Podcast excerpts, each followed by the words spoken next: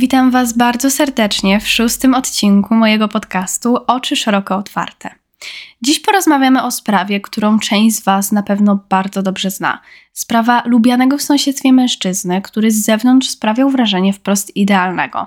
Był zaangażowany w życie społeczne, udzielał się charytatywnie i urozmaicał chorym dzieciom pobyt w szpitalach, przebierając się za klauna. Jak się jednak domyślacie, to nie wszystko, bo pod fasadą tego z pozoru ułożonego i rodzinnego mężczyzny krył się seryjny morderca i gwałciciel, który słynął z przebierania się za klauna i zwabiania swoich ofiar za pomocą sztuczek. Dziś przyjrzymy się przeszłości Johna Wayne'a Gacy'ego oraz popełnionym przez niego zbrodniom. Zanim przejdziemy do odcinka, mały disclaimer. Ta sprawa porusza takie tematy jak przemoc psychiczna oraz fizyczna, myśli samobójcze, uzależnienia od alkoholu oraz narkotyków, molestowanie, pedofilia, gwałt oraz morderstwo. Jeśli nie czujecie się dobrze słuchając o którejkolwiek z tych rzeczy, zapraszam do następnego odcinka, który pojawi się już w przyszłą sobotę o godzinie 14. W międzyczasie zróbcie dla siebie coś dobrego. A teraz, bez zbędnego przedłużania, zapraszam do słuchania. Złapcie za koc, zapaszcie herbatę, a najlepiej kilka kubków, bo dzisiaj trochę tutaj posiedzimy i zasłuchajcie się w fali kryminalnych historii. John Wayne Gacy urodził się 17 marca 1942 roku na północy Chicago w Stanach Zjednoczonych jako drugie z trójki dzieci Johna Stanleya Gacy oraz Marion Robinson. Jak niektórzy z Was mogą się domyślać, nadano mu imię John Wayne za sprawą słynnego w Hollywood aktora Johna Wayne'a. Ojciec Johna był mechanikiem i weteranem walczącym w trakcie I wojny światowej, natomiast jego matka zajmowała się dziećmi oraz domem. Przez większość dzieciństwa Johnem zajmowała się właśnie jego matka. Ojciec chłopca ciągle pracował i praktycznie całymi dniami nie było go w domu. Można by jednak rzec, że to nawet lepiej, ponieważ choć z zewnątrz John Stanley wydawał się być idealnym mężem oraz ojcem, zarówno Marion, jak i dzieci doskonale zdawały sobie sprawę z tego, że jest to nieprawda. To, czego doświadczył John Stanley podczas walczenia w trakcie I wojny światowej, bardzo odbiło się na jego zdrowiu psychicznym i aby poradzić sobie z traumatycznymi wydarzeniami, zaczął nadużywać alkoholu, po którym stawał się niezwykle agresywny. Wówczas obrażał, wyzywał i znęcał się nad żoną oraz dziećmi, a jego główną ofiarą był jego syn, John Wayne. Jak tłumaczył, swoją złość najbardziej przekładał na Johna, ponieważ zawsze bronił matki oraz sióstr, a ponadto był jedynym mężczyzną w domu. Choć na tamten czas, jak wszyscy wiemy, był zaledwie dzieckiem. John Stanley nie tolerował odmowy. Chciał, aby wszystko było robione na jego zasadach i jeśli ktokolwiek sprzeciwił się temu, co miał do powiedzenia, wpadał w szał. Agresja ujawniała się u niego także wtedy, kiedy dzieci były zbyt ciekawskie, a więc były po prostu dziećmi. Bił je i wyzywał, jeśli zadawały za dużo pytań lub dotykały rzeczy, których według niego nie powinny. Wówczas Marion próbowała bronić swoje dzieci, jednak niestety na nic się to nie zdawało i sama padała ofiarą swojego męża. Uważam, że stwierdzenie, jakoby John Stanley nienawidził swojego syna, było zbyt delikatne. On dosłownie nim gardził. Nienawiść, jaką go darzył, była wprost niewyobrażalna i robił wszystko, aby jak najbardziej go upokorzyć. Wyzywał go przez większość jego dzieciństwa i uprzykrzał mu życie w zasadzie z nieznanych nam do końca powodów. John Stanley lubił patrzeć na cierpienie innych ludzi, a przede wszystkim na cierpienie swoich dzieci, czerpiąc z tego swego rodzaju przyjemność. Wiemy, że w pewnym momencie, kiedy John Wayne miał zaledwie kilka lat, jego ojciec sprowadził do domu swojego wieloletniego przyjaciela. Z czasem mężczyzna ten zaczął przychodzić do domu rodziny coraz regularniej. Zabierał Johna Wayne'a na wycieczki, do kina czy na lody, jednocześnie wykorzystując siedmioletniego chłopca w tajemnicy przed całym światem. Według tego, co udało mi się znaleźć, John Wayne był molestowany i wykorzystywany przez przyjaciela swojego ojca przez kilka miesięcy i nie powiedział o tym ani swojej matce, ani komukolwiek z zewnątrz. Kiedy John miał właśnie 7 lat, dopuścił się molestowania. Z tego co wiemy, miało to miejsce w szkole. Odbywały się lekcje. John wyszedł z sali i wpadł na młodszą dziewczynkę, która wracała z łazienki, i w najbardziej brutalny oraz niewyobrażalny sposób zaczął ją molestować. Sprawa bardzo szybko wyszła na jaw, jednak została zupełnie zbagatelizowana przez szkołę, jak i sam w sobie system sprawiedliwości. ludzie nie sądzili, że siedmiolatek był w stanie dopuścić się takiego czynu i jedyna kara, jaka została wymierzona na Johnie, była z rąk jego własnego ojca. Z czasem John Stanley przestał czerpać aż tak dużą przyjemność z bicia swojego syna paskiem czy też pięścią. Brzmi to strasznie, ale zaczął używać coraz to nowszych przedmiotów do bicia chłopca. Kiedy John miał 11 lat, ojciec pobił go do utraty przytomności, powodując naprawdę bardzo duże zmiany w obszarze jego czaszki, a co za tym idzie, również mózgu. Pobicie było tak intensywne, że w jego wyniku chłopiec zmagał się z problemami zdrowotnymi przez resztę swojego życia. Ci z Was, którzy choć trochę zagłębiali się w historię wszelakich morderców, na pewno zauważyli swego rodzaju powtarzalność związaną z wypadkami w obrębie głowy. I od dziś mówi się, że osoby, które przeżyły jakiś wypadek, w wyniku którego ucierpiała ich głowa, są bardziej podatni na zostanie mordercami, właśnie z powodu tak dużej powtarzalności i występowania takich incydentów w życiu większości seryjnych morderców. Nie oznacza to jednak oczywiście, że jeśli mieliście jakiś wypadek, w którym ucierpiała wasza głowa, zostaniecie seryjnymi mordercami. Po prostu jest to duża powtarzalność właśnie w życiu seryjnych morderców. Wracając, tak jak powiedziałam, przez brutalne pobicie z rąk ojca bardzo ucierpiało zdrowie Johna pewnym momencie mdlał w ciągu dnia z zupełnie nieznanego lekarzom powodu. Przez resztę życia zmagał się także z innymi chorobami i z tego co jest nam wiadome, miał dość duże problemy z niewydolnością serca, które doprowadziły do stałych wizyt w szpitalu i niemożności wykonywania przykładowo różnorakich sportów. Można by rzec, że John przez większość życia próbował zaimponować swojemu ojcu, co zauważycie również w dalszej części sprawy. Przez całe dzieciństwo słyszał od niego, że jest nic niewarty i nic nigdy nie osiągnie, w związku z czym tuż po ukończeniu 18 roku życia wybrał ścieżkę kariery, którą chciał się kierować i była to polityka. Jego głównym celem w zostaniu politykiem było właśnie uświadomienie ojcu, że się mylił i wcale nie jest nic niewarty, a ponadto będzie w stanie zmienić świat. Jak już jednak wszyscy wiemy, John Wayne zmienił świat, ale jedynie na gorsze. Wracając jednak do polityki, którą chciał zajmować się osiemnastolatek. Pierwsza rzecz, która niesamowicie denerwowała jego ojca, to fakt, że John Wayne popierał demokratyczną partię, czyli zupełne przeciwieństwo tego, w co wierzył jego ojciec. Dawało mu to więc jeszcze więcej powodów do nienawidzenia swojego syna i gardzenia nim na każdym kroku. To, czym zajmował się John Wayne w trakcie swojej politycznej drogi, jest nam mniej więcej znane – był kimś w rodzaju pośrednika pomiędzy głosującymi na daną partię, a samą w sobie partią. Wyprawiał także różnego rodzaju imprezy oraz małe bankiety, na których pojawiali się głosujący, a jego zadanie było zaprezentowanie demokratycznego programu partyjnego. Mniej więcej właśnie w tym momencie John Stanley zaczął bać się swojego syna. Możecie zapytać, jak to? Końcu wszystko wskazuje na to, że mężczyzna ten nie odczuwa żadnego strachu, zwłaszcza jeśli mówimy o członkach jego rodziny. Odpowiedź jest dość prosta. John miał już 18 lat, a ponadto przez różnorakie choroby oraz branie dużej ilości leków był nieco otyły i miał więcej siły niż swój ojciec, a to sprawiało, że pewnego dnia mężczyzna po prostu zaczął się go bać. Obawiał się, że jego syn w najbardziej nieoczekiwanym momencie zacznie odpowiadać na jego ataki z jeszcze większą siłą. W związku z tym przestał znęcać się nad nim fizycznie, szukając nowych rozwiązań, aby uprzykrzyć życie swojemu synowi.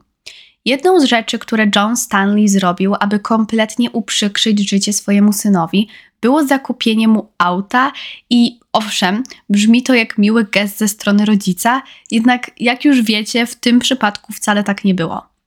John potrzebował samochodu, aby po pierwsze jeździć do szkoły, a po drugie uczestniczyć w partyjnych bankietach oraz imprezach. Jego ojciec powiedział mu, że może oddawać mu za samochód w ratach każdego miesiąca. Suma ta była jednak dość spora i co za tym idzie, John nie zawsze był w stanie zapłacić ojcu na czas, co wiązało się z wyzywaniem, obrażaniem i w ostateczności zabieraniem osiemnastolatkowi samochodu na kilka tygodni. Kiedy John Wayne miał 18 lat, postanowił wyprowadzić się z domu i przenieść do Las Vegas. Pewnego dnia po prostu spakował się i wyniósł z Chicago, zostawiając w nim całą swoją rodzinę. W tamtym momencie chłopak w zasadzie nie miał nic ani pracy, ani pieniędzy, ponieważ resztę swoich oszczędności poświęcił na bilet do Las Vegas. W związku z tym nie miał nawet gdzie się zatrzymać, przez pierwsze tygodnie żyjąc na ulicach wielkiego miasta. Na samym początku podjął pracę jako kierowca karetki, jednak zawód ten okazał się być dla niego zbyt stresujący, dlatego też szybko z niego zrezygnował, szukając czegoś, co nie narazi go na odczuwanie zbyt silnych emocji.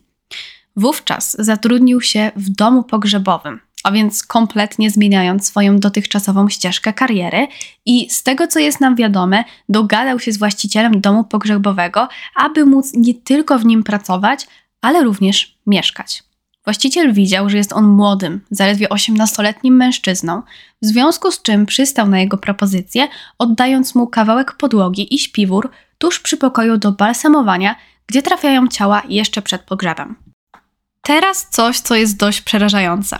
Ponieważ miejsce to znajdowało się w części domu, w której nikt nie mieszkał, wieczorami John był tam zupełnie sam i, że tak powiem, lubił to wykorzystywać. Każdej nocy zakradał się do pokoju do balsamowania, a następnie przytulał się przez kilka godzin do zmarłych osób. Nie wiem nawet, jak to opisać, aby miało to jakikolwiek sens, bo w zasadzie, niezależnie od tego, co bym powiedziała, cała ta sytuacja i to, co robił John, nie mają dla mnie kompletnie żadnego sensu. Z zewnątrz John sprawiał wrażenie zupełnie normalnego mężczyzny. W dalszym ciągu intensywnie udzielał się w życiu społecznym i w zasadzie wszyscy, którzy go znali, naprawdę bardzo go lubili. Nikt nie wiedział, że w jego myśleniu oraz niektórych postępowaniach siedzi nutka zła. Jednak on sam chyba już to wiedział, bo jak przyznał później w jednym z wywiadów, pewnego wieczoru po prostu poczuł, że to co robi jest nieodpowiednie. Z tego co wyznał, był chłodny wieczór, a on leżał w śpiworze tuż przy pokoju do balsamowania, szykując się do snu. Wówczas podniósł się z podłogi i zupełnie tak jak zawsze poszedł do jednego z ciał, które dopiero co przywieziono do domu pogrzebowego. Było to ciało młodego chłopca, nastolatka. Położył się razem z nim i zaczął go przytulać. Jak opisał, czuł wówczas swego rodzaju ekscytację, ponieważ wszystkie inne ciała w domu pogrzebowym należały do starszych osób, a on w tamtym momencie przytulał się do chłopca, który zmarł w bardzo młodym wieku. W pewnym momencie dotarło do niego, co robi, jak gdyby za sprawą swego rodzaju wstrząsu. Przyznał, że w pierwszej chwili było to dla niego co najmniej szokujące. Nie pomyślał wtedy, że stanie się lepszy i będzie pracować nad swoim zachowaniem. Owszem, na początku przez kilka dni trochę bał się swojego postępowania, jednak z czasem zrozumiał, że ta mroczna strona to ścieżka, którą chce podążać. Porozmawiajmy może teraz trochę o tych dniach, w których John odczuwał przerażenie związane z tym, co zrobił. Tuż po tym, jak dotarło do niego, w jaki sposób postępuje, niczym poparzony odskoczył od ciała zmarłego nastolatka i wrócił do swojego śpiwora. Jak opisał, nie spał przez całą noc, z zaniepokojeniem myśląc o tym, czego się dopuścił. Jego następne dni były spowite istną paniką. Bał się, że inni wiedzą o jego myślach i o tym, co zrobił. Życie pośród ludzi zdawało się go przerażać, bo ciągle z tyłu głowy miał to, że wszystko wiedzą i przejrzeli go na wylot. Pewnego ranka obudził się i stwierdził, że ma dość życia w Las Vegas, życia spowitego wiecznym strachem i lękiem. Zadzwonił do swojej matki i nie podając żadnych szczegółów odnośnie tego, co wydarzyło się kilka nocy wcześniej, zapytał, czy może wrócić do Chicago. Kobieta rzecz jasna od razu się zgodziła i kilka dni później John znów mieszkał w swoim rodzinnym domu. Aby zapomnieć o minionych wydarzeniach, postanowił skupić się na nauce, przy okazji odciągając od siebie mroczne myśli. Podjął studia na kierunku biznesowym na jednej z uczelni i w wieku 21 lat skończył studia z dość satysfakcjonującymi ocenami. Po ukończeniu studiów John zatrudnił się w sklepie z butami i można by spokojnie rzec, że był naprawdę bardzo dobry w swojej pracy. Miał do tego, że tak powiem, dar. Umiał przekonywać ludzi, miał w sobie dużo charyzmy i potrafił sprzedać dosłownie wszystko, nawet jeśli ktoś danej rzeczy wcale nie potrzebował. W związku z jego dobrymi wynikami w pracy, piął się po szczeblach kariery, zarabiając coraz to więcej i więcej pieniędzy. W pewnym momencie został przeniesiony do pracy w innym sklepie tej samej sieci do Springfield w stanie Illinois, gdzie zupełnie tak samo jak w Chicago pobijał rekordy sprzedaży. Wszystko wskazywało na to, że jego życie zmierzało w jak najlepszym kierunku. Miał dobrze płatną pracę, udzielał się w życiu społecznym poprzez uczestniczenie w akcjach charytatywnych, miał dużo znajomych oraz kilkoro bliższych przyjaciół, a ponadto właśnie w Springfield poznał kobietę, w której, jak określił, zakochał się od pierwszego wejrzenia. Była to Marlene Mayers, jego współpracownica. Mroczne myśli wcale jednak go nie opuszczały i pomimo próby życia w normalny sposób, jego głowa wciąż łaknęła bycia kimś zupełnie innym przestępcą. John i Marlene weszli w związek i wszystko zdawało się iść w jak najlepszym kierunku. Wtedy również jego działalność w jednej z organizacji charytatywnych zaczęła przynosić coraz to lepsze rezultaty. Ludzie go kochali i wierzyli w jego dobre intencje. Pewnego wieczoru jednak John zdradził Marlene, spełniając jedno ze swoich ogromnych pragnień. Tak jak zawsze, John był obecny na spotkaniu organizacji charytatywnej. Wówczas w tłumie ludzi spostrzegł młodego chłopaka, z którym zapragnął wdać się w krótki romans. Tak też zrobił. Jeszcze tego samego wieczoru spotkał się z chłopakiem i w trakcie właśnie tego spotkania zdradził Marlene. Jak sam przyznał, pragnął tego już od dłuższego czasu. No może nie samego w sobie zdradzenia swojej dziewczyny, a eksperymentowania ze swoim życiem seksualnym. Od dłuższego czasu czuł, że być może jest biseksualny, a ta okazja wydała mu się wprost idealna, aby sprawdzić, jakiej właściwie jest orientacji. Z tego, co jest nam wiadome, Marlin nie dowiedziała się o zdradzie, a przynajmniej tak przez cały czas mówił John. Wtedy również uświadomił sobie, że pomimo tego, jak wielką sympatią ją darzy, Marlin nigdy nie potrafiłaby dać mu tego, co mężczyzna. Możecie teraz pomyśleć, że John zerwał ze swoją dziewczyną, czyli coś, co powinien był zrobić od razu po uświadomieniu sobie, że nie chce spędzić z nią reszty życia, jednak nie. John trwał w tym związku, nie chcąc być singlem, jednocześnie w dalszym ciągu okłamując i zdradzając niczego nieświadomą kobietę. Ponadto jej rodzina była dość bogata, chociaż dość to chyba za słabe określenie. Byli milionerami, a John widział w jej rodzinie ogromny potencjał. No dobra, może nie w samej sobie rodzinie, a w ich pieniądzach. Już wtedy wyobrażał sobie, że choć z niechęcią poślubi Marlin i będzie miał dostęp do wszystkich luksusowych rzeczy, które są znane człowiekowi. A przynajmniej właśnie taki był jego plan.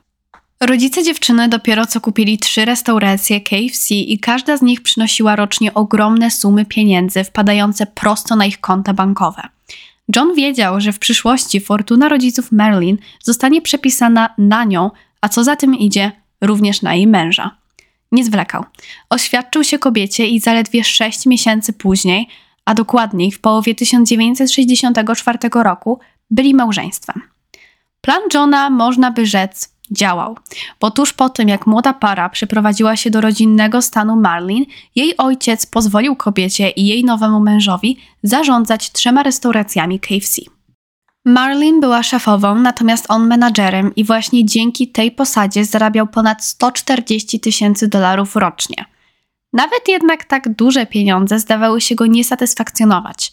Wręcz przeciwnie, pragnął więcej, nie tylko pieniędzy, ale i uznania ze strony lokalnych mieszkańców oraz rodziny. Ponadto pragnął eksplorować swoją seksualność, do czego w tamtym momencie swojego życia nie miał zbytnio możliwości.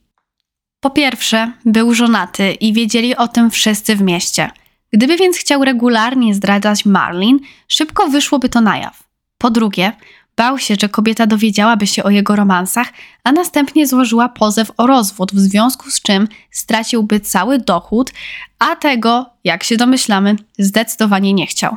Poza tym nie chciał również nadszarpnąć swojej reputacji, bo wtedy wszyscy ludzie mieliby go za niewiernego w małżeństwie – ale w końcu taka była prawda. Zdradzał i nie myślał w tym wszystkim o Marlin. Wówczas John wpadł na pomysł, jak dyskretnie umawiać się z nastoletnimi chłopcami. W jednej z restauracji KFC była dość spora piwnica, z której w zasadzie w ogóle nie korzystano. John szybko zaczął zapraszać po pracy grono młodych chłopców do piwnicy na drinki. Chłopcy byli niezwykle młodzi. Mieli po 15 czy 16 lat i nigdy wcześniej nie pili alkoholu. Byli więc dość podekscytowani na myśl o tym, że mogą napić się za darmo, a na dodatek bez jakiegokolwiek limitu. Przychodzili więc do Johna i jego piwnicy dość regularnie. Przez kilka miesięcy jedynie słuchali muzyki, tańczyli, rozmawiali i przede wszystkim pili alkohol. Po tych kilku miesiącach John miał dość zwyczajnego patrzenia na młodych chłopców. Chciał czegoś więcej, a konkretniej chciał spełniać swoje seksualne fantazje. Od czasu do czasu, gdy wszyscy byli już pijani, podchodził do jednego z chłopców, proponując mu seks. Owszem, byli tacy, którzy się na to zgadzali, z chęcią wypełniając fantazję Johna, jednak większość z nich patrzyła na niego z niezrozumieniem, zastanawiając się, czy mówi poważnie. Nawet jeśli zaczynali odmawiać albo pytać, czy naprawdę tylko po to ich tam zaprasza, John zawsze znajdował wyjście z sytuacji i albo mówił, że to głupi żart, albo wybuchał głośnym śmiechem, nigdy więcej nie wspominając o współżyciu przy tym konkretnym nastolatku. Pomimo tego, że John regularnie zdradzał Marlin i w zasadzie z czasem przestał cokolwiek do niej czuć, para doczekała się dwójki dzieci. Chłopca, Michaela, urodzonego w lutym 1966 roku i dziewczynki Christine, urodzonej w marcu 1967 roku. Jak sam wyznał, to właśnie te lata były najlepszymi i najszczęśliwszymi w jego całym życiu. Dobrze zarabiał, był szanowany wśród lokalnej społeczności, miał dach nad głową, żonę i dwójkę dzieci.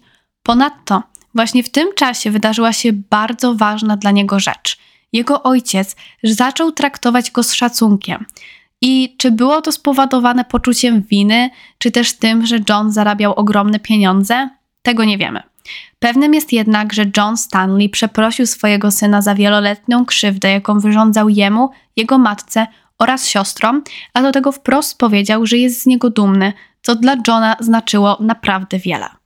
Nawet jeśli takie życie mniej lub bardziej zdawało mu się odpowiadać, wciąż nie był w stanie odpędzić się od fantazji, które już od dłuższego czasu nie polegały jedynie na eksplorowaniu swojego życia seksualnego.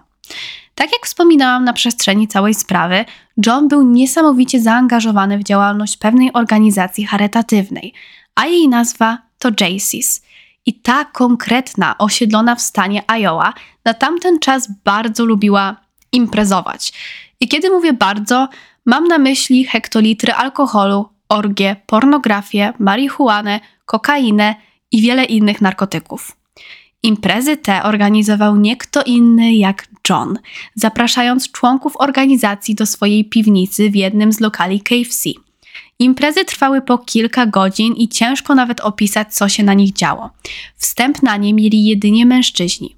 Czasami towarzyszyły im kobiety, ale tylko w te wieczory, w które uprawiali seks. Jednak, jak się domyślacie, nie były to ich żony.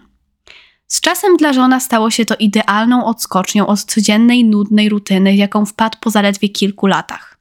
Organizował imprezy miesiącami, a ludzie kochali go za to jeszcze bardziej, aż w końcu wpadł mu do głowy kolejny, bardzo dziwny pomysł. Pewnego wieczoru, kiedy wszyscy byli już pijani, John zaproponował, że wspaniale by było, gdyby na następną imprezę mężczyźni przyprowadzili swoich synów w wieku nastoletnim. I ten wiek nastoletni oznaczał 13, 14 czy 15-letnich chłopców, którzy zdecydowanie nie powinni patrzeć, jak ich ojcowie, czy w ogóle ktokolwiek, upija się do nieprzytomności, bierze narkotyki i uprawia seks z wieloma osobami naraz. Możecie pomyśleć, że mężczyźni byli oburzeni propozycją Johna i nigdy więcej nie przyszli na zorganizowaną przez niego imprezę, ale niestety jesteście w błędzie. Co zaskakujące, każdy z tych mężczyzn bez zastanowienia zgodził się przyprowadzić swoich synów na następną imprezę, i tutaj John postanowił wcielić w życie następną część swojego chorego planu. Jak się domyślacie, jego celem nie było siedzenie w towarzystwie nastolatków i dawanie im alkoholu, chociaż samo w sobie to byłoby dość dziwne. Od dłuższego czasu pragnął po raz kolejny zdradzić Marlin i sądził, jakoby ten wieczór był idealną okazją. Wymyślił nawet specjalną historyjkę, którą z czasem zaczął opowiadać chłopcom, aby jak najchętniej się z nim przespali. Tak jak powiedziałam, John wprowadził swój plan w życie dopiero z czasem, a więc po kilku takich imprezach.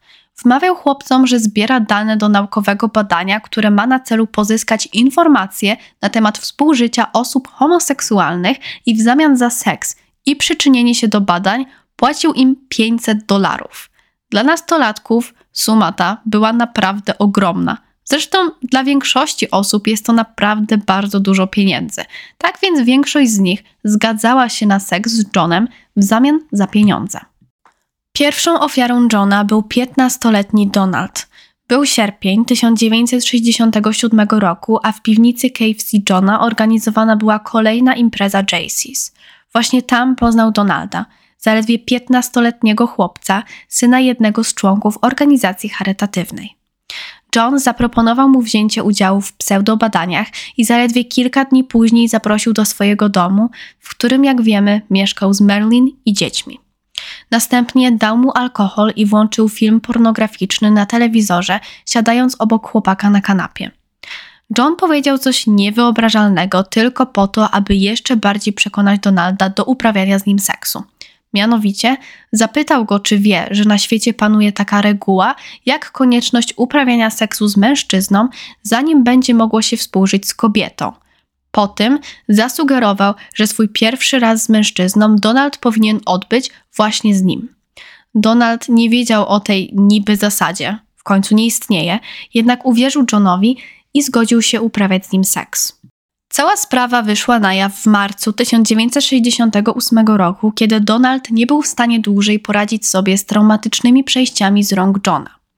Ojciec chłopaka od razu zgłosił sprawę na policję i zaledwie kilka dni później funkcjonariusze zapukali do domu Johna, chcąc przesłuchać go w sprawie uprawiania seksu z osobą nieletnią. Mężczyzna przygotował sobie całe przemówienie obronne, a nawet poprosił o test wariografem. Wtedy badanie wariografem było tak naprawdę niepodważalnym dowodem w przypadku rozwiązywania większości spraw. Teraz raczej w latach 20. XXI wieku wiele ludzi nie wierzy w jego skuteczność, jednak pod koniec lat 60. ubiegłego wieku było to coś w rodzaju jedynej prawdy. Jeśli przeszedłeś test, puszczano cię wolno. Jeśli nie, trafiałeś za kratki. A jeśli twoje odpowiedzi były niejasne, no właśnie. Tak akurat było w przypadku Johna. Test wykazał, że ani nie kłamie, ani nie mówi prawdy. Był gdzieś pomiędzy, a wynik testu był neutralny i niemożliwy do ustalenia. Funkcjonariusze nie byli w stanie puścić go wolno, ale nie byli w stanie także go oskarżyć. Postanowili więc przesłuchać go po raz kolejny i kiedy zapytali go o to, po co ojciec Donalda miałby kłamać w tak poważnej sprawie i rzucać w jego stronę oskarżeniami, John powiedział, że prawdopodobnie był zazdrosny o jego pozycję oraz poszanowanie w organizacji charytatywnej Jaycees, więc postanowił go wyeliminować. Jego teorię poparła większość członków Jaycees. Nie wierzyli w winę Johna i złożyli zeznania, w których powiedzieli funkcjonariuszom, jakoby ojciec chłopaka kłamał, wymyślając fałszywe oskarżenia z powodu czystej zazdrości. John miał wszystkich po swojej stronie i jak się domyślacie, w związku z tym nie został oskarżony ani nawet aresztowany. Z czasem zapragnął zemsty, konkretniej na 15-letnim Donaldzie. Czuł, że zemsta na ojcu chłopaka miała już miejsce. W końcu teraz wszyscy członkowie JCs mieli go za kłamcę i wytykali go palcami. Teraz John pragnął zemścić się na Donaldzie, który powiedział o wszystkim swojemu ojcu. 30 sierpnia 1968 roku John zaczepił swojego 16-letniego pracownika Russella. Złożył mu propozycję i obiecał, że zapłaci mu 2,5 tysiąca dolarów, jeżeli znajdzie Donalda, pobije go, a następnie zmusi do pójścia na policję i przyznania, że cała historia była zmyślona. Russell był bardziej niż podekscytowany na możliwość zarobienia aż tak dużej sumy pieniędzy i już na drugi dzień udało mu się znaleźć Donalda, gdy ten wracał ze szkoły przez okoliczny park. Zaciągnął go do zacienionej uliczki w parku, w której nie było ludzi, po czym spsikał mu całą twarz gazem pieprzowym, każąc zmienić zeznania na policji. Donald odmówił, wiedząc, że nie może pozwolić na to, aby tak straszny czyn uszedł Johnowi na sucho. Wówczas Russell pobił Donalda do nieprzytomności i zostawił go w parku na kilka godzin.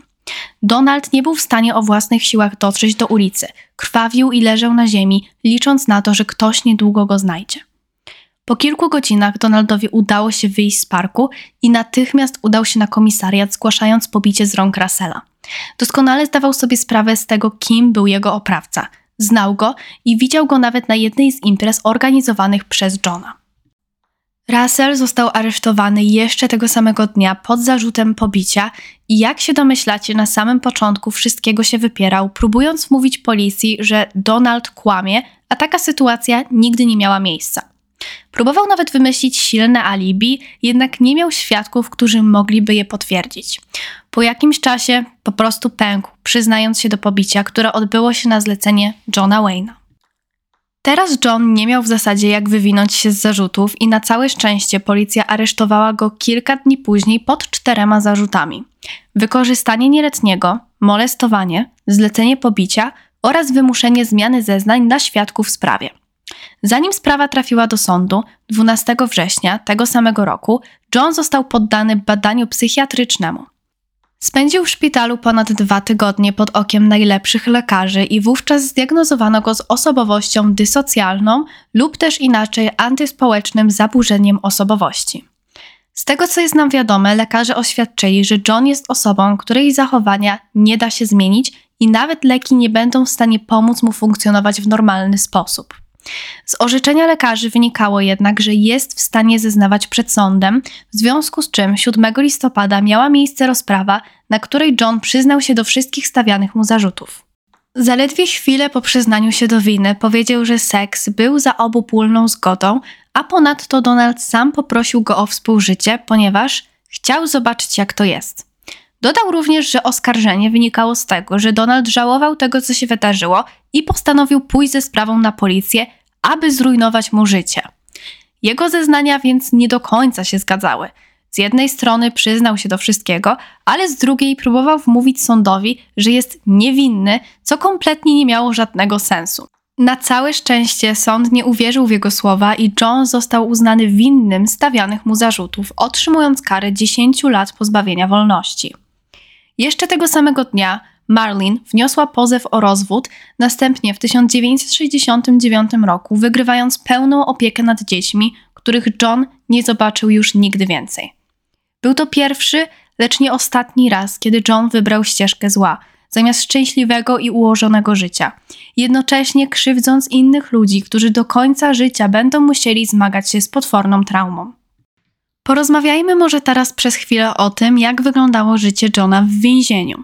Był niezwykle lubiany nie tylko przez strażników, ale także przez innych więźniów.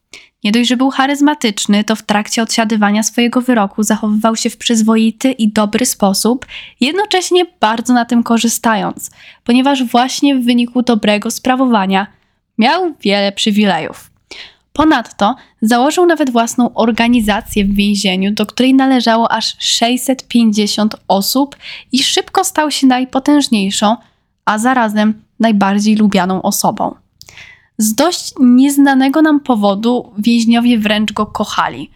John wprowadził w więzieniu wiele zmian, jak lepsze posiłki dla więźniów, więcej przywilejów, a nawet takie aktywności jak mini golf czy bilard.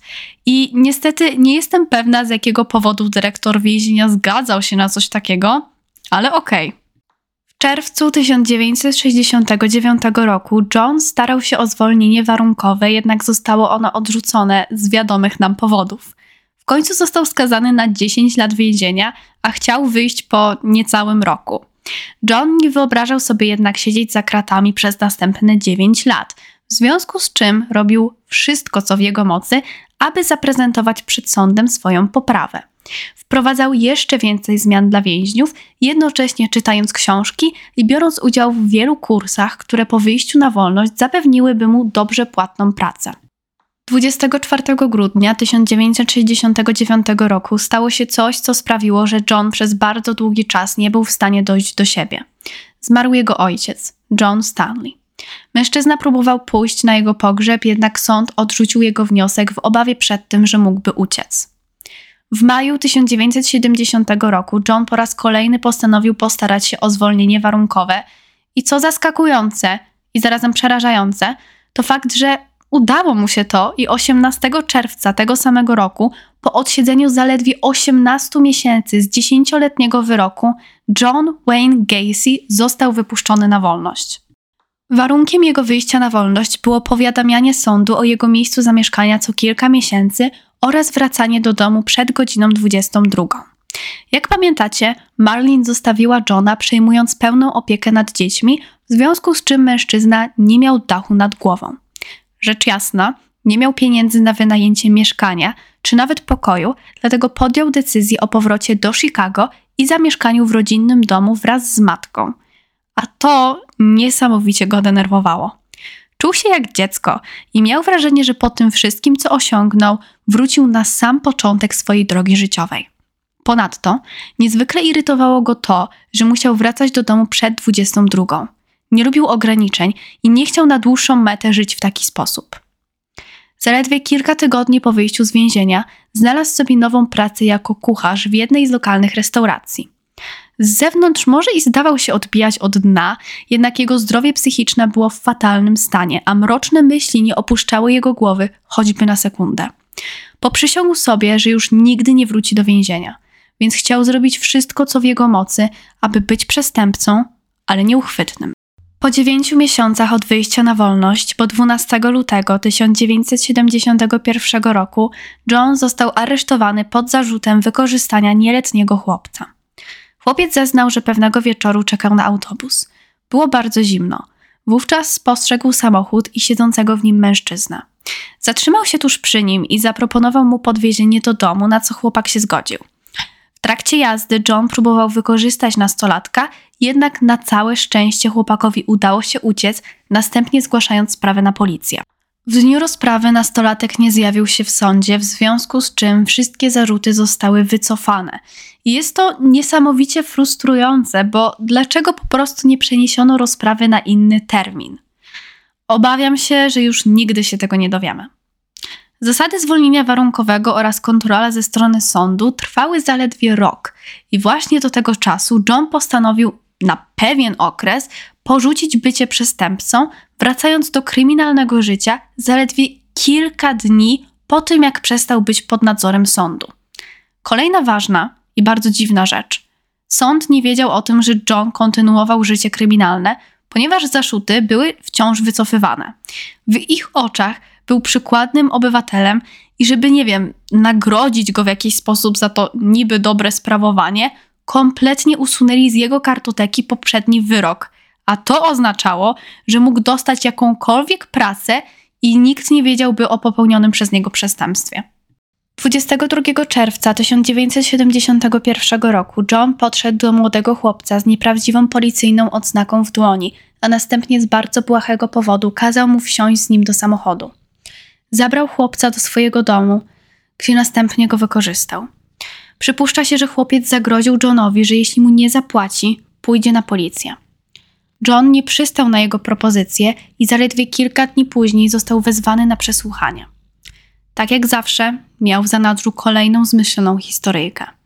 Opowiedział funkcjonariuszom, że już od kilku dni chłopiec nie dawał mu spokoju, grożąc, że jeśli nie da mu pieniędzy, kompletnie zrujnuje jego życie, i stąd pojawiły się te niby nieprawdziwe oskarżenia. Policja, słysząc o groźbach, nie była w stanie wziąć chłopaka za wiarygodnego świadka, w związku z czym zarzuty zostały wycofane i John po raz kolejny uniknął odpowiedzialności. Możecie się zastanawiać, co na to wszystko matka Johna. Miała go dość. Miała także dość ciągłych przesłuchań i policji w domu, więc pewnego dnia po prostu dała mu plik pieniędzy i kazała się wyprowadzić, co John zrobił niemal od razu, ze swego rodzaju satysfakcją. Właśnie wtedy zakupił dom na 8213 West Summerdale Avenue, bardzo niesławne miejsce na mapie Chicago. Dom nie był przesadnie duży, ale miał wystarczającą ilość pokoi, a ponadto spory ogród oraz duży podjazd. John czuł, że ten dom zapewni mu nowy start w życiu. Chciał zacząć wszystko od początku, a swoje starania zapoczątkował poprzez zbudowanie sobie nieskazitelnej reputacji w sąsiedztwie. Był miły, czasami aż za bardzo. Oferował drobne pomoce w domu, jak na przykład hydraulika czy mechanika, i rzecz jasna, ludzie bardzo to doceniali, szybko mu ufając. Co kilka miesięcy John organizował w swoim domu huczne imprezy, na które zapraszał nie tylko swoich sąsiadów, ale także ich przyjaciół, a nawet zupełnie przypadkowe osoby. Chciał, aby było o nim głośno.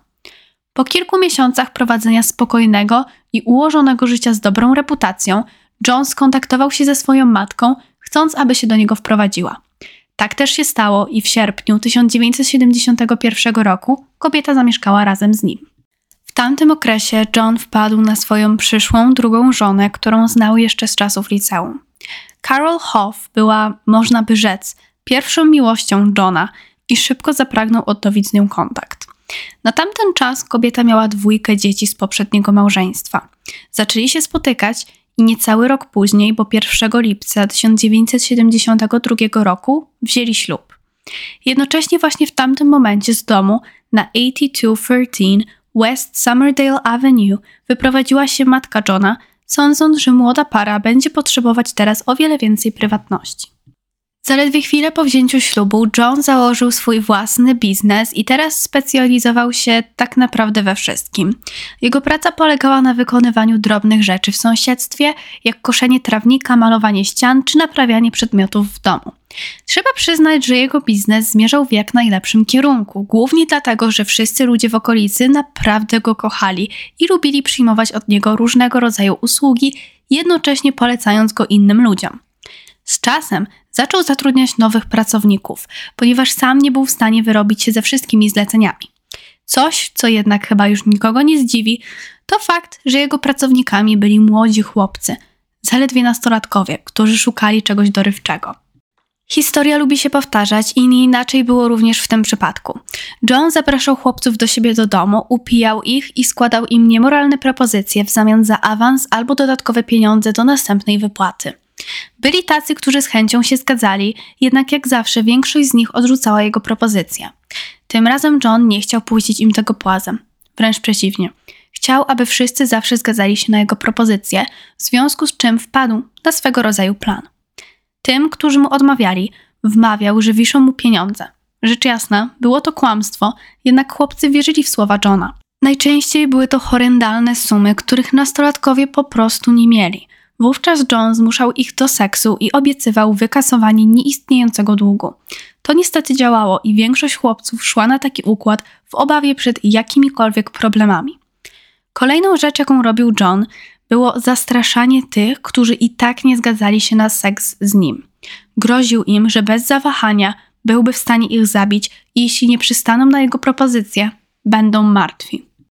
W ostateczności zdecydowana większość chłopców zgadzała się na seks z Johnem, czy to z obawy przed nieistniejącym długiem, czy z obawy przed śmiercią. John wykorzystywał ich największe lęki i robił wszystko, aby mu ulegli. Jest to nie tylko przerażające, ale i chore. Bliższa liczba chłopców, których wykorzystał w tamtym okresie, jest nam nieznana, ale na pewno było ich ponad kilkunastu.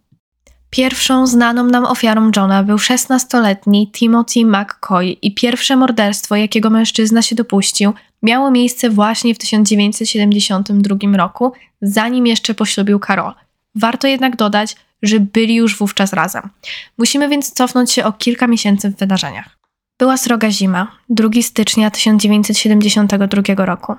John od przeszło kilku godzin spędzał czas na imprezie rodzinnej. Pił alkohol, słuchał muzyki i rozmawiał z dawno niewidzianymi członkami rodziny. W pewnym momencie oznajmił, że wychodzi, ponieważ w mieście niedawno postawili figury z brył lodu, co zdarzało się raz na kilka lat. Jak powiedział, tak też zrobił. Wsiadł do samochodu i opuścił imprezę, po drodze zauważając młodego chłopaka siedzącego na przystanku autobusowym. Zatrzymał się, wysiadł z samochodu, a następnie podszedł do niego, mówiąc, że jest już bardzo późno oraz zimno, a on ma wolny pokój w domu i może go bez problemu przenocować.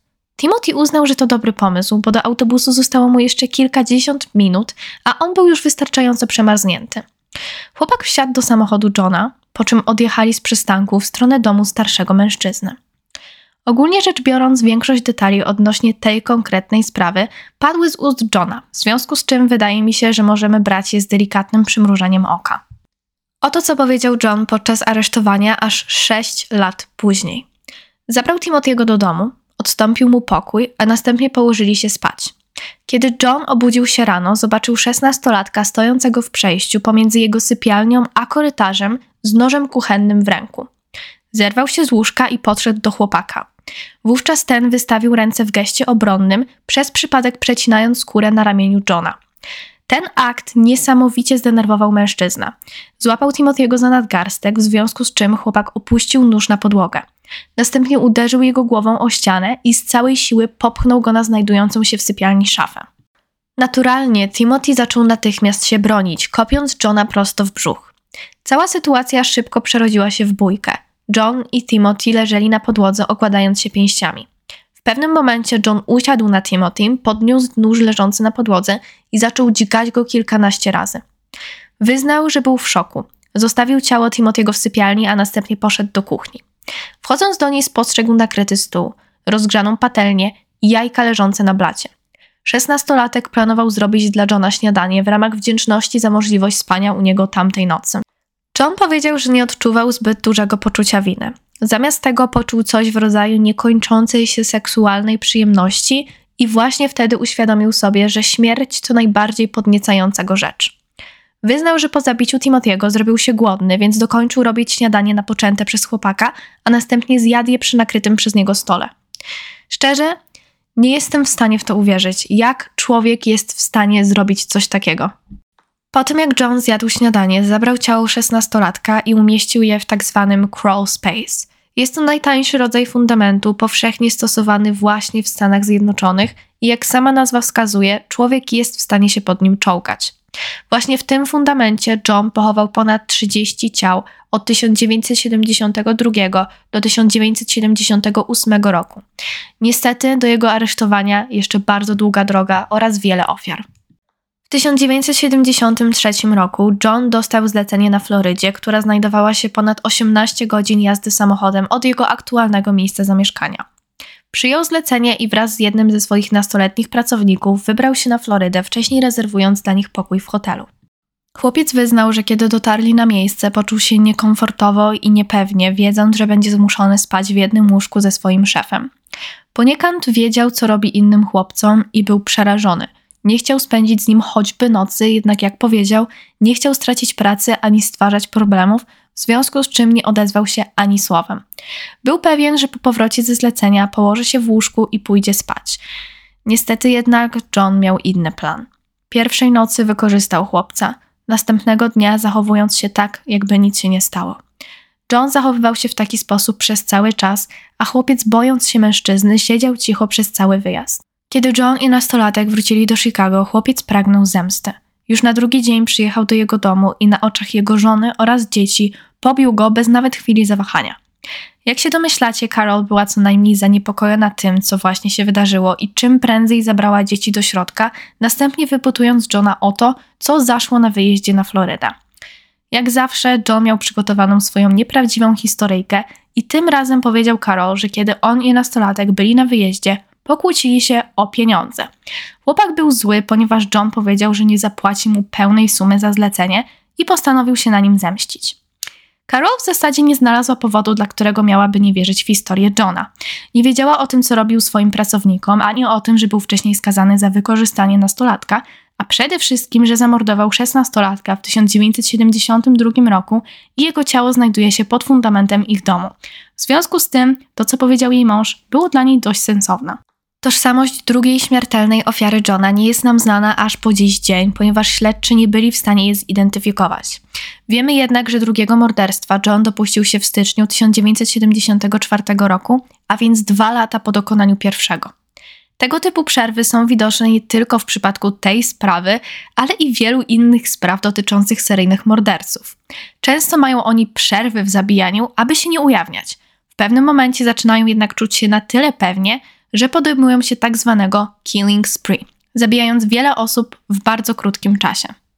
John udusił swoją drugą ofiarę, a jej ciało umieścił w szafie na jakiś czas. Stąd wiele osób zadaje sobie pytanie, czy Carol aby na pewno nie wiedziała o morderstwach, których dopuszczał się John. Z tego co wyznał, w pewnym momencie z ust ofiary zaczęła lecieć nieprzyjemnie pachnąca wydzielina, która brudziła wnętrze szafy i aby zatamować jej wyciek, umieszczał w ustach ofiary m.in. jej skarpetki oraz bielizna. Trzecią ofiarą Johna był 18-letni John Budkowik, pracownik jego firmy. 31 lipca 1975 roku chłopak zniknął bez śladu. Kilka dni później znaleziono jego samochód, a w nim portfel, kurtkę oraz kluczyki w stacyjce, jednocześnie wykluczając przestępstwo na tle rabunkowym czy też ucieczkę ze stanu. John Wayne brał udział w poszukiwaniach chłopaka, a nawet zadzwonił do jego rodziców, aby wypisać im czek na ostatnią wypłatę ich syna, mimowolnie w trakcie konwersacji mówiąc, że jest mu niezmiernie przykro z powodu tego, że ich syn postanowił uciec z domu. John rzecz jasna został przesłuchany, jednak policja nie uznała, że w jego zachowaniu było cokolwiek podejrzanego, a zeznania wskazywały na to, że nie miał nic wspólnego z zaginięciem osiemnastolatka. Na przestrzeni trzech następnych lat rodzice chłopaka wykonali ponad 100 telefonów do biura śledczego, domagając się, aby funkcjonariusze bardziej przyjrzeli się Johnowi, czego policja nigdy nie zrobiła, zawodząc po raz kolejny. Jak wyznał John już po aresztowaniu, spotkał się z osiemnastolatkiem 30 lipca 1975 roku, ponieważ nie wypłacał mu pieniędzy od kilku miesięcy i chłopak chciał to wyjaśnić. John zaprosił chłopaka do swojego samochodu, a następnie zawiózł go do swojego domu, aby mogli porozmawiać. Kolejna część sprawy znów została opowiedziana przez Johna, jednak tym razem policjanci są skłonni bardziej w nią wierzyć.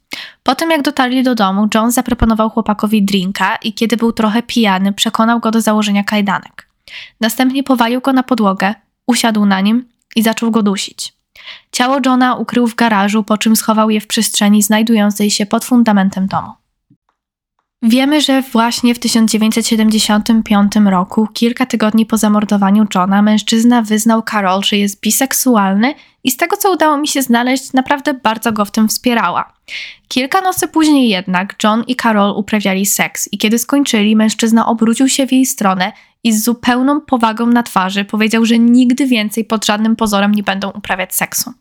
Dodał, że chce z nią być i jest z nią szczęśliwy, ale podczas współżycia z nią czuje się źle i dziwnie. Jak się domyślacie, Carol była zdruzgotana i nie wiedziała, co robi źle. Od tego momentu John coraz rzadziej wracał po pracy do domu i o wiele częściej jeździł na zlecenia do innych stanów.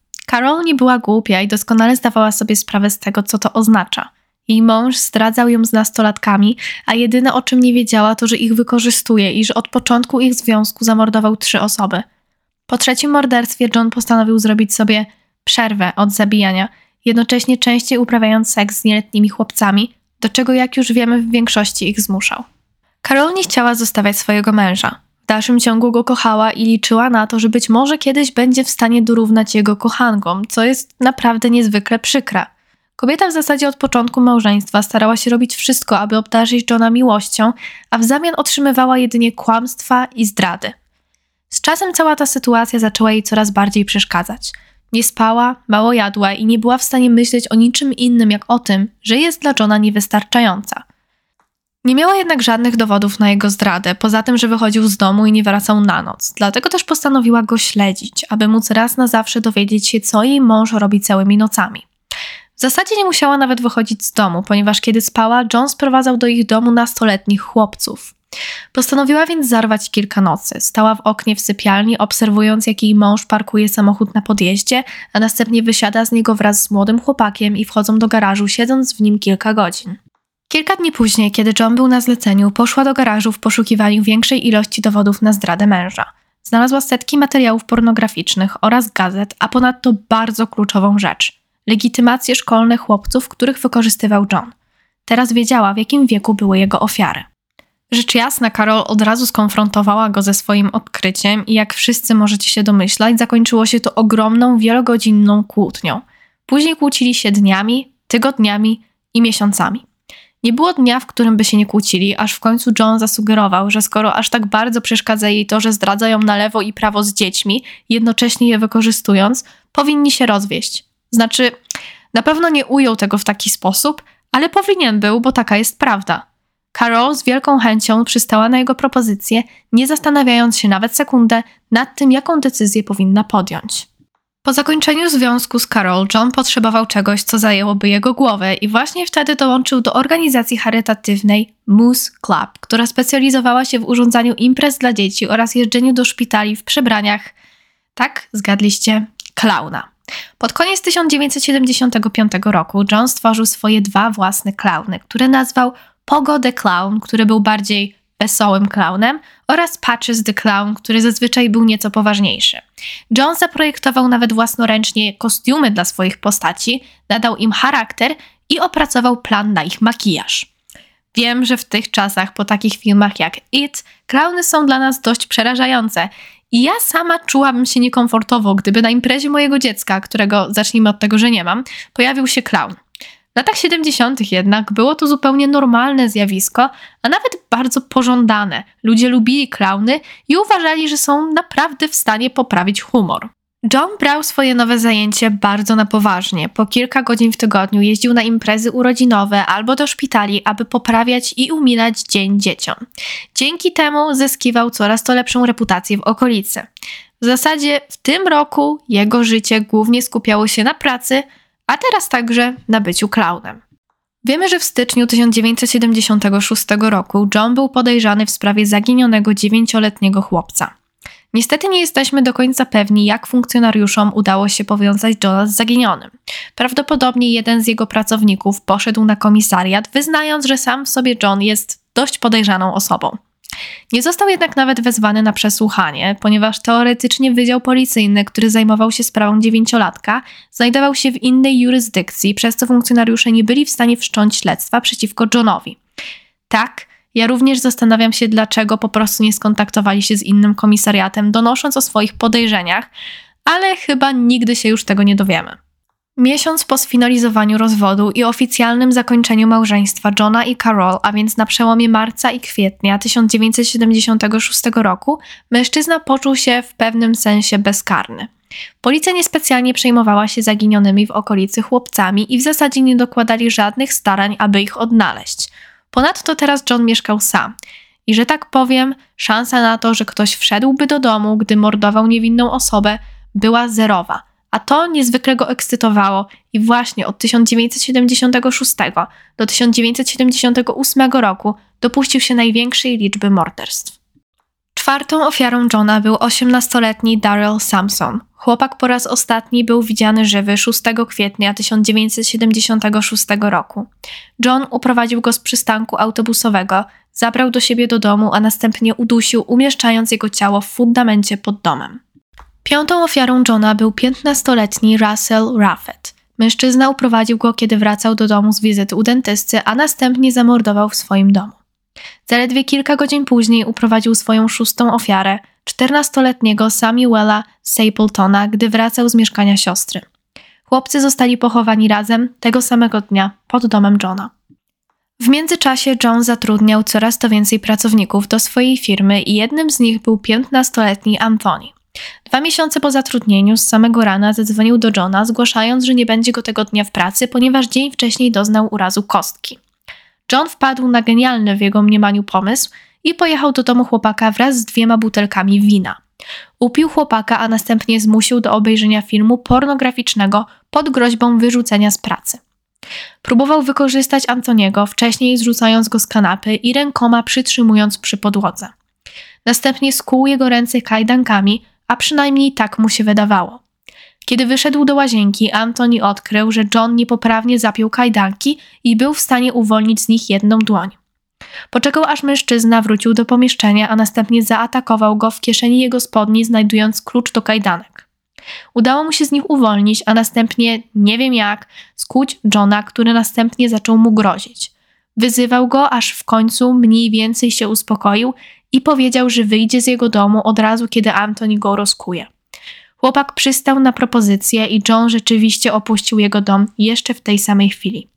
Piętnastolatek pracował dla mężczyzny jeszcze przez około 9 miesięcy i w trakcie tego okresu John nigdy więcej nie podjął próby wykorzystania go. Siódmą ofiarą Johna był 17-letni Michael Bonin. Chłopak zniknął 3 czerwca w trakcie podróżowania z Chicago. John udusił Michaela, jego ciało ukrywając w przestrzeni pod domem. Ósmą ofiarą Johna był 16-letni William Carroll. John uprowadził, a następnie zamordował chłopca 13 czerwca. William jest jedyną znaną ofiarą, która została zamordowana pomiędzy 13 czerwcem a 6 sierpnia. W ciągu tych miesięcy John zamordował cztery osoby, w tym Williama.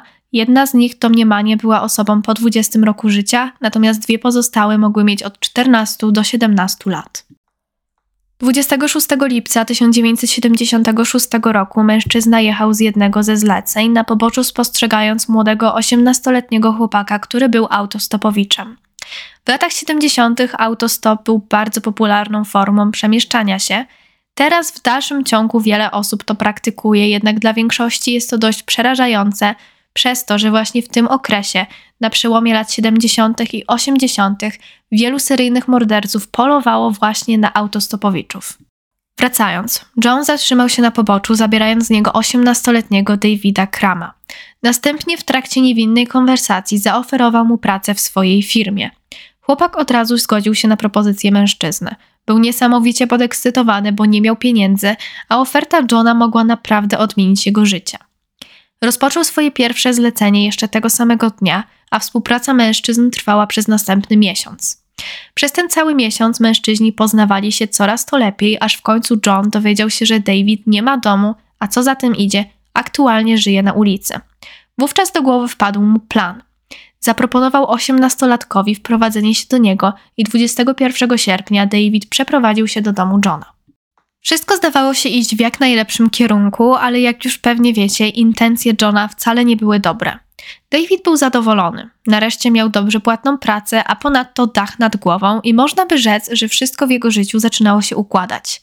Był wdzięczny, bo John zaproponował nawet, że wyprawi dla niego imprezę urodzinową, która miała miejsce zaledwie dzień później, a więc 22 sierpnia. David wstał rano i był pewien, że będzie to kolejny zupełnie zwyczajny dzień. Ta pseudo-impreza urodzinowa rozpoczynała się późnym wieczorem. Teraz już dziewiętnastoletni chłopak siedział w salonie wraz z Johnem, pijąc przygotowane przez mężczyznę drinki. Jak na razie dość dobrze się bawili, śmiali się, pili i rozmawiali. Jedyne co wprawiało Davida w lekkie zakłopotanie, to fakt, że John od samego początku miał na sobie kostium klauna, a dokładniej kostium pogo. Kiedy mężczyźni byli już dość pijani, John wstał z kanapy i poszedł po kajdanki, następnie krępując nimi ręce Davida od przodu. Chłopak na samym początku myślał, że to swego rodzaju żart i nie brał czynów starszego mężczyzny na poważnie. Zaledwie kilka sekund później John chwycił za łańcuch znajdujący się przy kajdankach i zaczął obracać Davidem dookoła salonu, głośno się przy tym śmiejąc. To był moment, w którym dziewiętnastolatek zrozumiał, że to nie żarty. Zaczął czuć zaniepokojenie i swego rodzaju obawę przed tym, co jeszcze zrobi John. David krzyczał i prosił, aby John przestał, wówczas otrzymując jedynie krótką odpowiedź. John powiedział Davidowi, że go wykorzysta. To zdanie sprawiło, że chłopak zapragnął jak najszybciej uwolnić się z rąk mężczyzny i dzięki adrenalinie obecnej w jego ciele kopnął go prosto w twarz, uwalniając się z jego uścisku. Udało mu się znaleźć klucz do kajdanek, rozpiąć je, a następnie uciec do swojego pokoju, zamykając drzwi na klucz. Z tego, co wyznał przed sądem, John nie próbował go wówczas gonić. Po prostu leżał na podłodze, a z jego nosa leciała krew. Najbliższy miesiąc był powiedzmy spokojny. David w dalszym ciągu mieszkał w domu Johna i pracował w jego firmie. Pewnego wieczoru mężczyzna zapukał do jego pokoju, po raz kolejny grożąc, że go wykorzysta. Następnie powiedział coś w stylu: Nie wiesz chyba, kim jestem. Lepiej ze mną nie zadzieraj i daj mi to, czego chcę. David był nieugięty i kiedy kazał Johnowi wyjść z pokoju, powiedział, że nie umie się bawić. I przepraszam, ale co to w ogóle ma znaczyć? David wyprowadził się z domu Johna i zwolnił z jego firmy 5 października tego samego roku i na całe szczęście mężczyzna nigdy nie spełnił swoich gruźb, jednak nie zmienia to faktu, że David po tym doświadczeniu był bardzo straumatyzowany.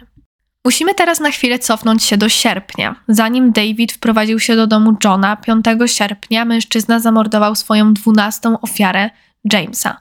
6 sierpnia John zamordował 13 ofiarę, 17-letniego Ricka Johnsona. Chłopcy zostali uduszeni, a następnie umieszczeni w fundamencie pod domem Johna.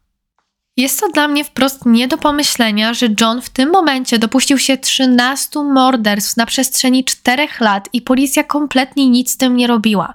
Dosłownie ani raz nie zapukali do drzwi jego domu i nawet nie zainteresowali się jego osobą. Z tego co się podejrzewa, prawdopodobnie wynikało to z jego reputacji w okolicy. Nikt nie przypuszczał, że ten z pozoru spokojny i ułożony biznesmen z milionami na koncie byłby w stanie choćby tknąć kogokolwiek palcem. Właśnie przez takie myślenie jeszcze ponad 17 niewinnych osób straciło życie z rąk Johna Wayna. Pomiędzy sierpniem a październikiem John zamordował 14 i 15 ofiarę, jednak ich tożsamość nie jest nam znana. 24 października mężczyzna porwał dwójkę przyjaciół i przypuszcza się, że miał wówczas na sobie kostium klauna, wabiąc chłopców sztuczkami. W tamtych czasach było to uważane za ciekawe i nawet zabawne. Tak jak wcześniej wspomniałam, ludzie często wchodzili w interakcje z klaunami i w zasadzie ani trochę ich to nie przerażało. Była to po prostu powszechna rzecz w tamtych czasach i mówię o tym, bo wiem, że zapewne wielu z Was w tym momencie zastanawia się, jak ktokolwiek był w stanie podejść do klauna stojącego na ulicy bez ludzi wokół. Kenneth Park i Michael Mariano stracili życie poprzez uduszenie w domu Johna. Dwa dni później John uprowadził i zamordował swoją osiemnastą ofiarę, dziewiętnastoletniego Williama Bandiego, gdy ten jechał na spotkanie rodzinne. Przypuszcza się, że John po raz kolejny uprowadził chłopaka w kostiumie klauna, a ponadto istnieją spekulacje, że William przez jakiś czas pracował dla mężczyzny i było to na kilka lat przed morderstwem. Nie wiemy jednak, czy John go pamiętał. Wiemy, że na początku listopada do domu Johna wprowadził się kolejny 18-letni pracownik o imieniu Michael. Nie wiemy zbyt wiele na temat okresu, w którym mieszkał z Johnem, jednak możemy sobie wyobrazić, że nie był to dobry czas w jego życiu. W zasadzie jedyne co wiemy na 100% to, że John zabierał go na imprezy urodzinowe dla dzieci i oboje przebierali się wówczas za klauny. Na przełomie listopada i grudnia John zamordował 19 ofiarę 21-letniego Francisa Aleksandra. Wiemy, że chłopak po raz ostatni skontaktował się ze swoją rodziną pod koniec listopada, a później nigdy więcej się do nich nie odezwał. Jego rodzice nie zgłosili zaginięcia na policję, ponieważ wydawało im się, że Francis przeprowadził się do Los Angeles. John w dalszym ciągu bardzo interesował się polityką i znów pracował dla Demokratycznej Partii, tym razem na o wiele większą skalę. Był respektowany, lubiany i dobrze znany, a ponadto niesamowicie majętny. Jego firma miała ogromne obroty, a to sprawiało, że zaczynał obracać się w coraz to bogatszych kręgach. Wiemy nawet, że w 1975 roku był kimś w rodzaju dyrektora podczas parady Polskiego Święta Konstytucji 3 maja i po dowodzeniu tym wydarzeniem dwa lata z rzędu miał okazję poznać pierwszą damę Rosalind Carter, a ponadto zrobić sobie z nią zdjęcie. I pragnę tylko zaznaczyć, że niewiele osób miało taką możliwość, a cała ta sytuacja po morderstwach, jakich John się dopuścił, była opisywana jako największa hańba rządu Stanów Zjednoczonych. W grudniu 1976 roku John uprowadził i zamordował 20 ofiarę 17-letniego Gregorego Godzika. Z tego co wiemy, chłopak pracował dla mężczyzny od około trzech tygodni i na kilka dni przed zaginięciem 17-latek powiedział swojej rodzinie, że John kazał mu montować druty pod fundamentami jego domu. Ostatnią osobą, jaka widziała go żywą, była jego dziewczyna. Para spotkała się u niej w domu, a następnie późnym wieczorem Gregory postanowił wrócić do siebie, po drodze spotykając Johna, który zaproponował mu przenocowanie u niego w domu. Rodzina Gregorego skontaktowała się z Johnem, informując go o zaginięciu chłopaka. Wówczas mężczyzna poinformował ich, że siedemnastolatek niedawno wspominał mu o chęci ucieczki od rodziców i zamieszkaniu w innym stanie, jednak na tamten czas nie brał tego na poważnie. Rzecz jasna, było to kolejne kłamstwo. John posunął się nawet do powiedzenia rodzicom chłopaka, że kilka dni wcześniej próbował się z nim skontaktować, jednak John nie odebrał, ponieważ był w pracy, w związku z czym Gregory zostawił wiadomość na jego skrzynce głosowej. Kiedy zapytali, czy jest w stanie ją dla nich puścić, powiedział, że ją usunął i nie chce nawet myśleć, co jego rodzice musieli wówczas poczuć. Wiemy, że były ofiary, którym udało się uciec. Jedną z nich był 27-letni Jeff. John zwabił go do swojego samochodu na początku 1977 roku, odurzył chloroformem, wykorzystał i brutalnie pobił. Jak sam przyznał, planował go zamordować, jednak zrezygnował z tego pomysłu tuż przed tym, jak zabrał go do swojego domu. Zostawił mężczyznę na poboczu i nigdy więcej nie stanął z nim twarzą w twarz. Jeff rzecz jasna poszedł na policję i wyznał, co go spotkało, jednak z nieznanych nam powodów funkcjonariusze kompletnie zbagatelizowali całą sprawę. Na samym początku 27-latek nie miał bladego pojęcia, kto go zaatakował, i być może właśnie dlatego policja postanowiła nie wszczynać śledztwa. Niecały miesiąc później Jeff spostrzegł samochód Johna pod okolicznym sklepem i po prostu czuł, że to samochód, do którego wsiadł, zanim został zaatakowany. Spisał tablice rejestracyjne i udał się ponownie na policję. Jeff poszedł z sprawą do sądu, jednak jak to bywa w przypadku wielu spraw na moim podcaście, system sprawiedliwości kompletnie zawiódł i jedyna kara, jaką spotkała Johna, to konieczność zapłacenia 3000 dolarów. Ja również mam wiele pytań, uwierzcie mi, gdyby tylko przeszukali jego dom, poszedłby siedzieć do końca życia albo otrzymałby karę śmierci. Przypominam, że wówczas zamordował aż 20 osób. 20 stycznia tego samego roku, zaledwie kilka tygodni po próbie zamordowania Jeffa, John zamordował 21 ofiarę 19-letniego Johna Szyca. Zwabił go do swojego domu pod pretekstem chęci sprzedaży swojego samochodu za 300 dolarów. John udusił 19-latka, ukrywając jego ciało pod fundamentem domu. 15 marca John zamordował 21-letniego Johna Prestige, a w okresie pomiędzy czerwcem a lipcem dopuścił się morderstwa na 23 niezidentyfikowanej ofierze.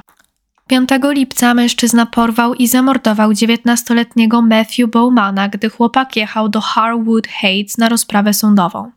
Pod koniec 1977 roku Jones zamordował sześć osób w wieku pomiędzy 15 a 21 rokiem życia. Jednym z nich był 18-letni Robert Gilroy, syn wysoko postawionego policjanta.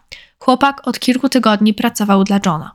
Wraz z nadejściem 1978 roku Jones spostrzegł, że przestrzeń znajdująca się pod fundamentem jego domu zapełniła się ciałami ofiar do tego stopnia, że nie miał gdzie ich chować. Wpadł wówczas na pomysł przetrzymywania ciał następnych ofiar na strychu. W ostateczności zrezygnował z tego pomysłu, wiedząc, że z ciał wyciekłby płyn pośmiertny, co jak określił, przyniosłoby wiele szkód. Zamiast tego postanowił wyrzucać ciała do okolicznej rzeki Des Plaines River. Pozbył się ciał swoich ofiar w taki sposób aż pięć razy. Późnym wieczorem 11 grudnia 1978 roku Robert Peast kończył swoją zmianę w pracy.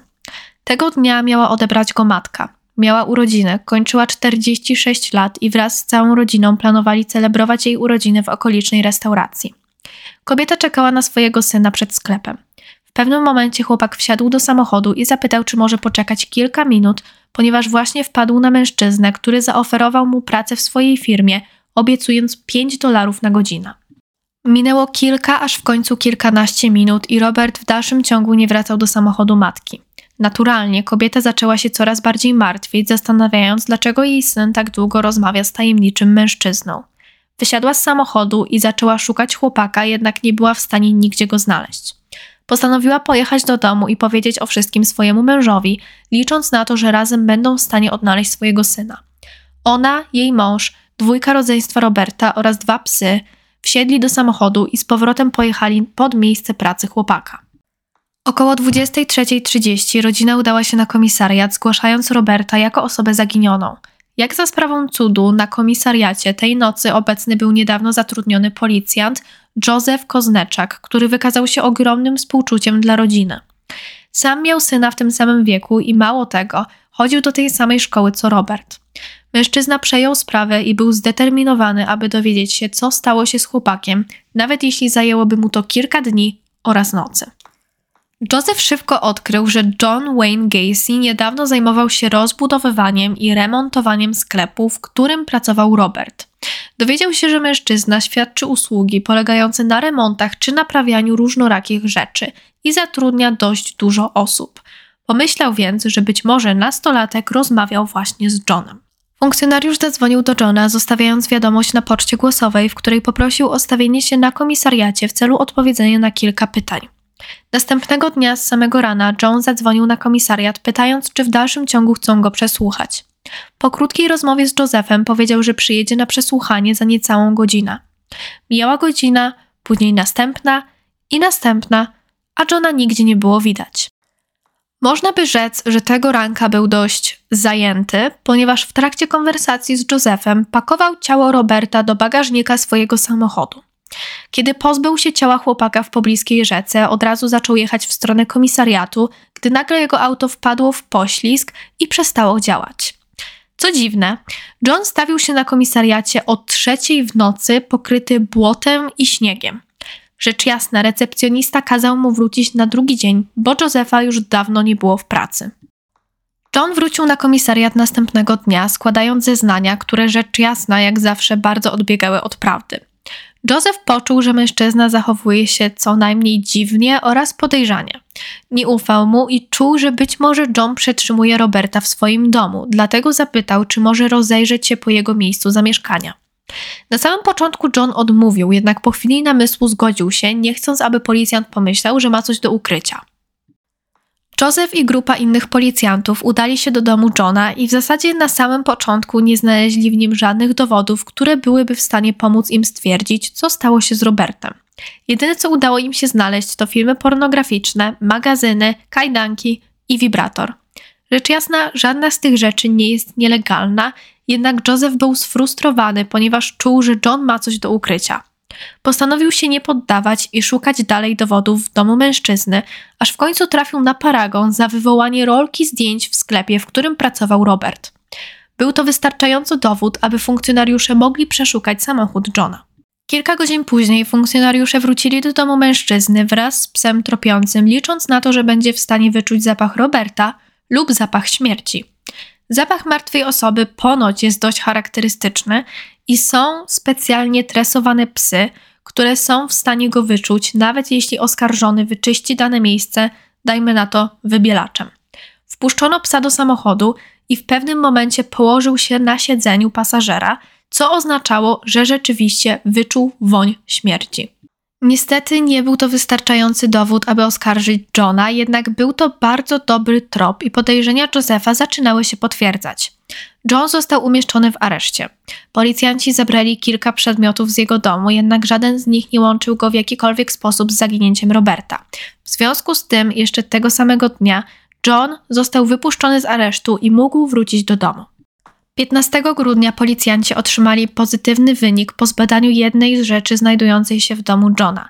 Jednak rzecz ta, a mianowicie pierścień, wcale nie należała do Roberta, a do chłopaka, który zaginął ponad dwa lata wcześniej.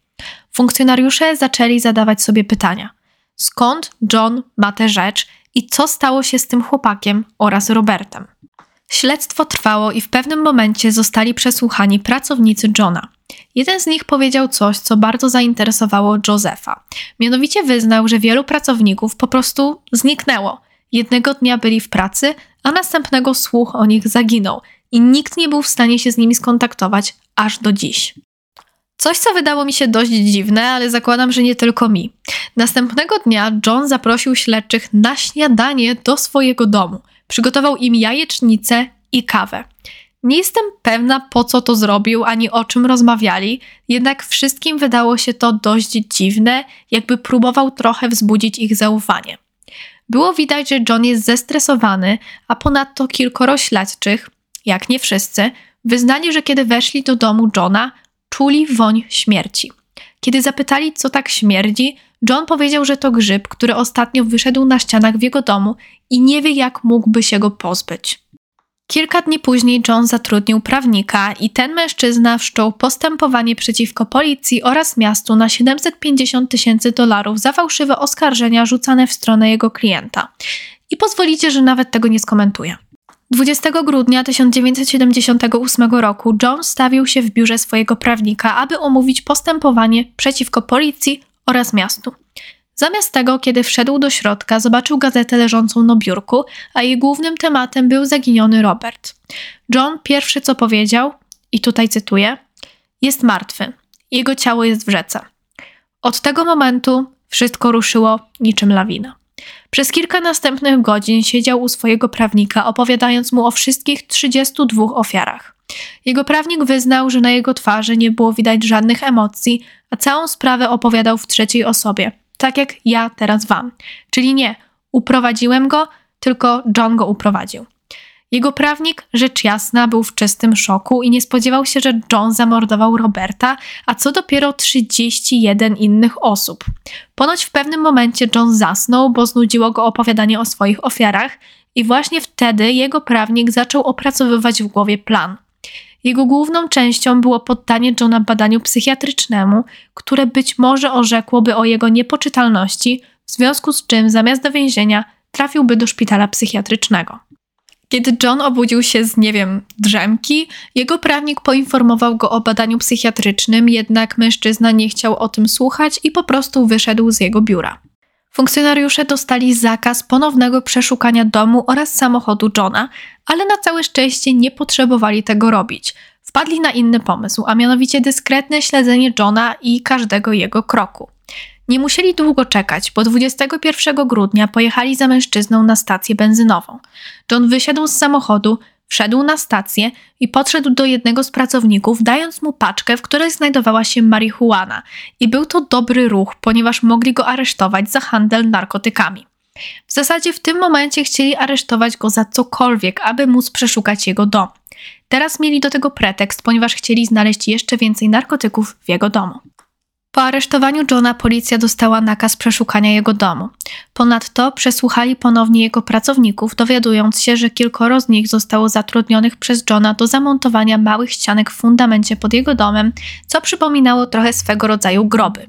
Istnieje spekulacja, że ci pracownicy wiedzieli o morderstwach i widzieli ciała, jednak nigdy nie zostało to potwierdzone. Funkcjonariusze mieli wystarczającą ilość informacji, aby przeszukać przestrzeń pod domem Johna, jednak nawet nie podejrzewali, co tam zastaną. Byli pewni, że znajdą tam Roberta, jednak bardzo się mylili. Policjanci odwiedzili Johna w areszcie i poinformowali go, że będą niszczyć podłogę w jego domu, aby znaleźć Roberta. Wówczas John powiedział, i tutaj cytuję: Nie znajdziecie tam Roberta, ale możecie znaleźć tam ciała innych ludzi. Jest tam pochowany jeden chłopak, którego musiałem zabić w samoobronie. Powiedzieć, że funkcjonariusze byli w szoku, to jakby nic nie powiedzieć. John pojechał wraz z policjantami do swojego domu, a następnie sprayem zaznaczył, gdzie znajdują się ciała.